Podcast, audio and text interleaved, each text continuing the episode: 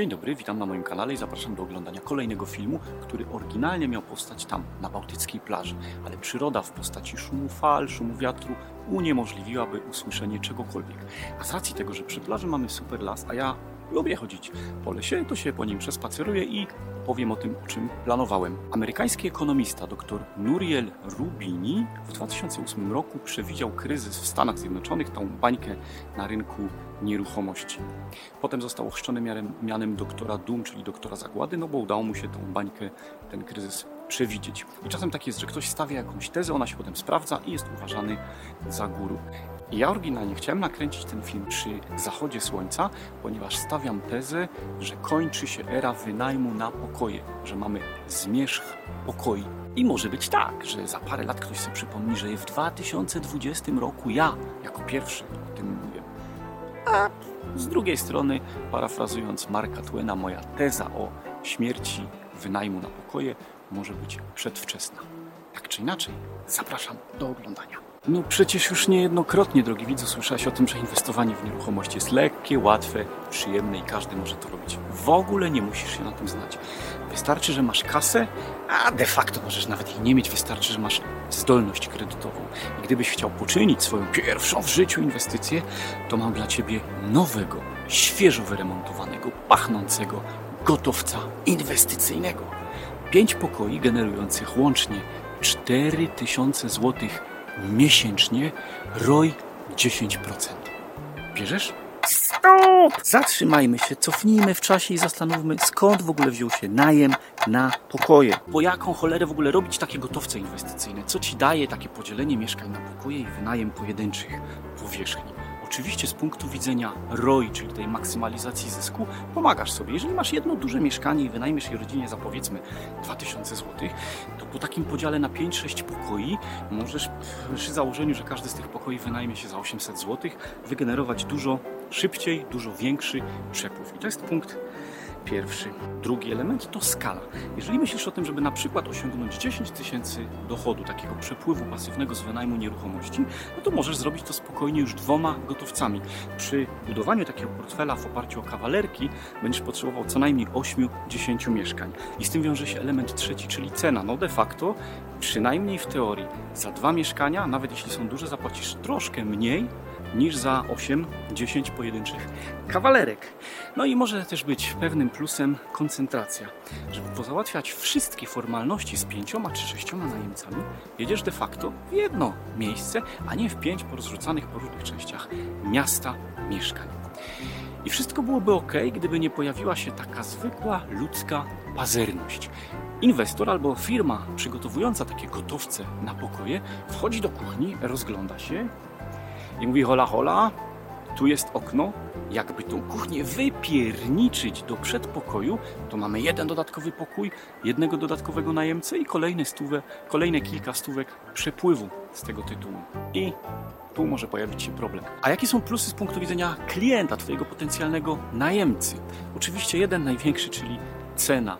Jeżeli chodzi o klientów pracujących, to ciągle mamy takich, którzy w pracy jedzą, bo tam jest tańsza stołówka, kąpią się w fitness klubie, do którego idą poćwiczyć po pracy, a potem na mieście imprezują ze znajomymi i de facto w mieszkaniu tylko śpią.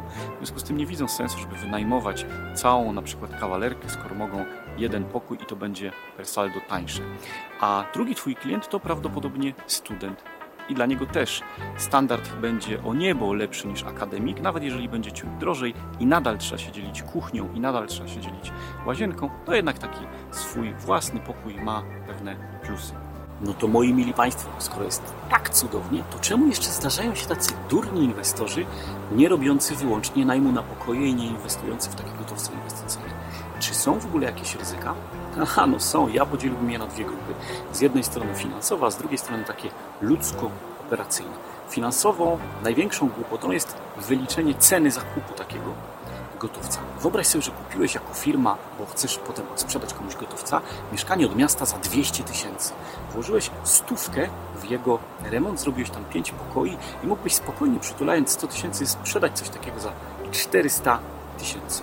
Ale myślisz sobie tak, hola hola, ta nieruchomość będzie generowała 4000 zł miesięcznie. I teraz, jeżeli sprzedam ją za 400, to jest ROI 10%. Słabo mi się to spina, no bo przecież inwestor jest z zagranicy albo z Warszawy. Dla niego 10% to jest mega deal. Więc ja zaoferuję mu wyjściowo 800, bo wtedy będzie ROI 5%. Jeżeli przy takiej cenie zgodzi się na 720, 740, minimum 700, to sprzedam. A taki inwestor z Warszawy, z zagranicy, co mówi? Tak mi się polski serial przypomniał. Mówi, 5% proszę pana? Biorę, proszę pana. I 4 może być, proszę pana. I 3 też. I rączki całuję, proszę pana. I zapraszam na wódeczkę, proszę pana. A wódeczka jest zmrożona, gęsta. I dlatego te ceny gotowców wyliczane metodą dochodową są kompletnie od czapy. Drugie ryzyko finansowe jest połączone bezpośrednio z tym, że prawdopodobnie nie masz tych 700 tysięcy w gotówce.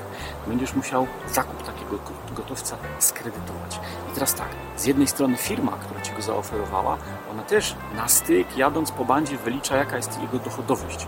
Wylicza, że będzie się wynajmować 100% pokoju przez 12 miesięcy tyle. A Ty z kolei, ponieważ inwestowanie w nieruchomości jest lekkie, łatwe i przyjemne, też możesz pójść tą prostą drogą i zrobić podobne założenia. Wtedy może się okazać, że jeżeli jeden pokój nie będzie się wynajmował przez 3-4 miesiące, to zamiast wyciągać z tego interesu pieniądze, będziesz musiał do niego dokładać, bo rata Twojego kredytu to jest 3,5. Oni powiedzieli Ci, że ten gotowiec będzie generował 4. Więc chciałeś zagryźć zęby na jakieś 5-10 lat i te 500 zł zarabiać, ale potem to już będzie high life. A tu co? Z wynajmu masz na przykład 2,5, z wynajmu masz 3, a rata dalej jest 3,5 i trzeba ją zapłacić. A ta druga część ryzyka, którą nazywam operacyjno-ludzkimi, to po pierwsze tak, podaż. No bo to taki super deal, wszyscy robią pokoje. Co to oznacza? To oznacza, że jest wysyp pokoi na rynku. Wszyscy robią pokoje. Twój potencjalny najemca wybrzydza, ma w czym wybierać. Ty, żeby wynająć po jakimś czasie ten pokój, musisz znowu zrobić jego upgrade, co obniża Twoją zyskowność i generuje koszty. No i najemcy o tym doskonale wiedzą, że tych pokoi jest dużo, co oznacza, że też cisną bardziej negocjacyjnie na obniżenie ceny. Jeśli, tak jak już mówiłem, wyliczyłeś wszystko na styk, no to masz problem. Potencjalnie dużym ryzykiem, które warto też wziąć pod uwagę, są sąsiedzi. Tak, ci państwo tam na dole, to starsze małżeństwo, do tej pory mieszkali sami. A teraz co?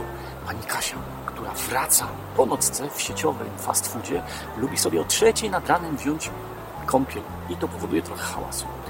Pani Eliza, która pracuje w korpie od rana po tych nowo wyłożonych panelach w szpileczkach pomyka, dopóki o ósmej nie wyjdzie do pracy. Do pani Krysi wpadają czasem znajomi, którzy lubią wypalić co nieco i przy okazji posłuchać reggae, a z kolei pani Zuza, no do niej też wpada co jakiś czas ekipa i po paru browarach można nauczyć się wielu polskich przebojów. Między innymi ci Państwo już teraz wiedzą, że ona czuje we mnie pieniądz. I jest jeszcze instytucjonalne ryzyko w postaci spółdzielni albo wspólnoty mieszkaniowej.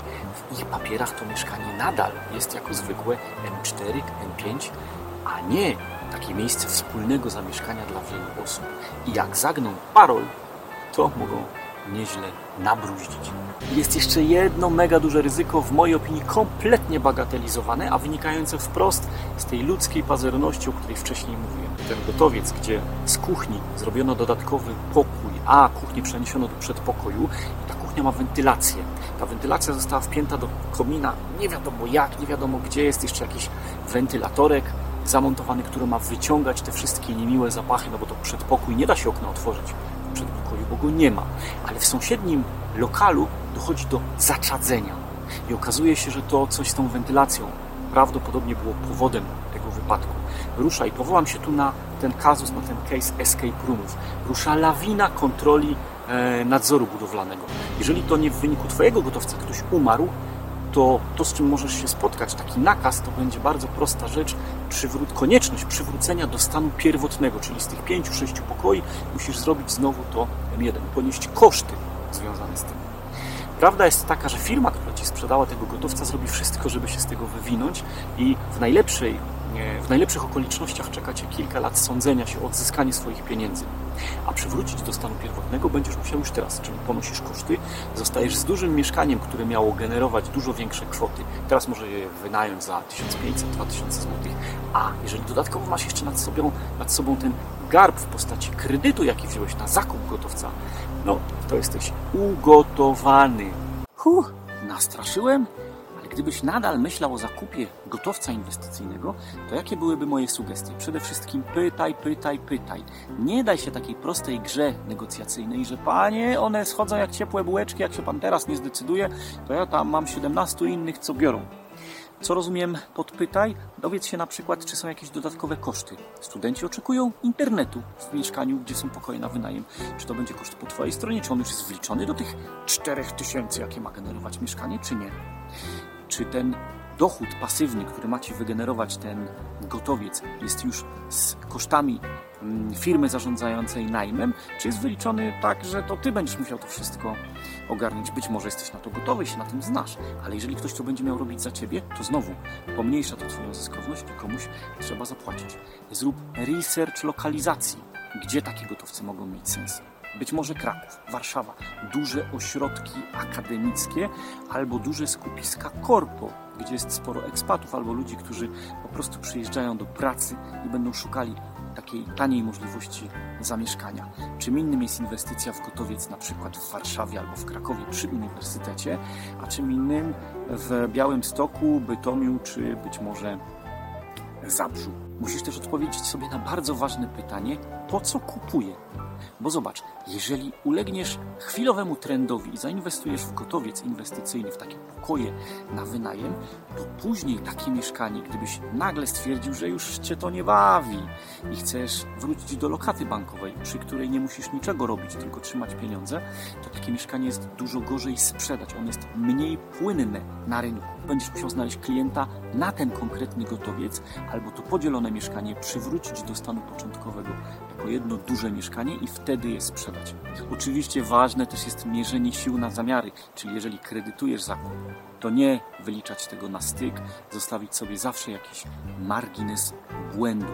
Zweryfikuj, czy firma mówi Ci, że te pokoje wynajmują się w 100% przez 12 miesięcy w roku, czy jednak lepiej policzyć, że obłożenie to jest jakieś 75% i to przez 11 miesięcy w roku i z tego punktu widzenia patrzeć na dochodowość takiego gotowca. Absolutnie nie jest moją intencją, żeby Cię straszyć, drogi widzu. Chcę bardziej pokazać plusy, minusy takiego rozwiązania jak gotowiec inwestycyjny, mieszkanie na pokoje, a przede wszystkim ostrzec przed takim trochę nachalnym marketingiem, że to jest super deal i przyniesie Ci same korzyści. Decyzja jest oczywiście po Twojej stronie. Ja osobiście w swoim portfelu nie mam ani jednego takiego mieszkania. Gdybym miał inwestować w takie narzędzia zwiększające, maksymalizujące ROI, to już szybciej wybrałbym mikrokawalerki. To nadal jest duże mieszkanie podzielone na odrębne lokale, ale nie tak jak na pokoje, tylko na odrębne mieszkania, gdzie każdy ma swoją łazienkę, swoją kuchnię. Nadal trudno sprzedawalne, no ale ja nie chcę sprzedawać. Ja myślę o długofalowym budowaniu portfela nieruchomości na wynajem. Ale gdybym stanął przed takim wyborem, czy mieszkanie podzielone na pokoje jako gotowiec inwestycyjny, czy mieszkanie podzielone na dwie, trzy mikrokawalerki, ja osobiście wybrałbym to drugie rozwiązanie.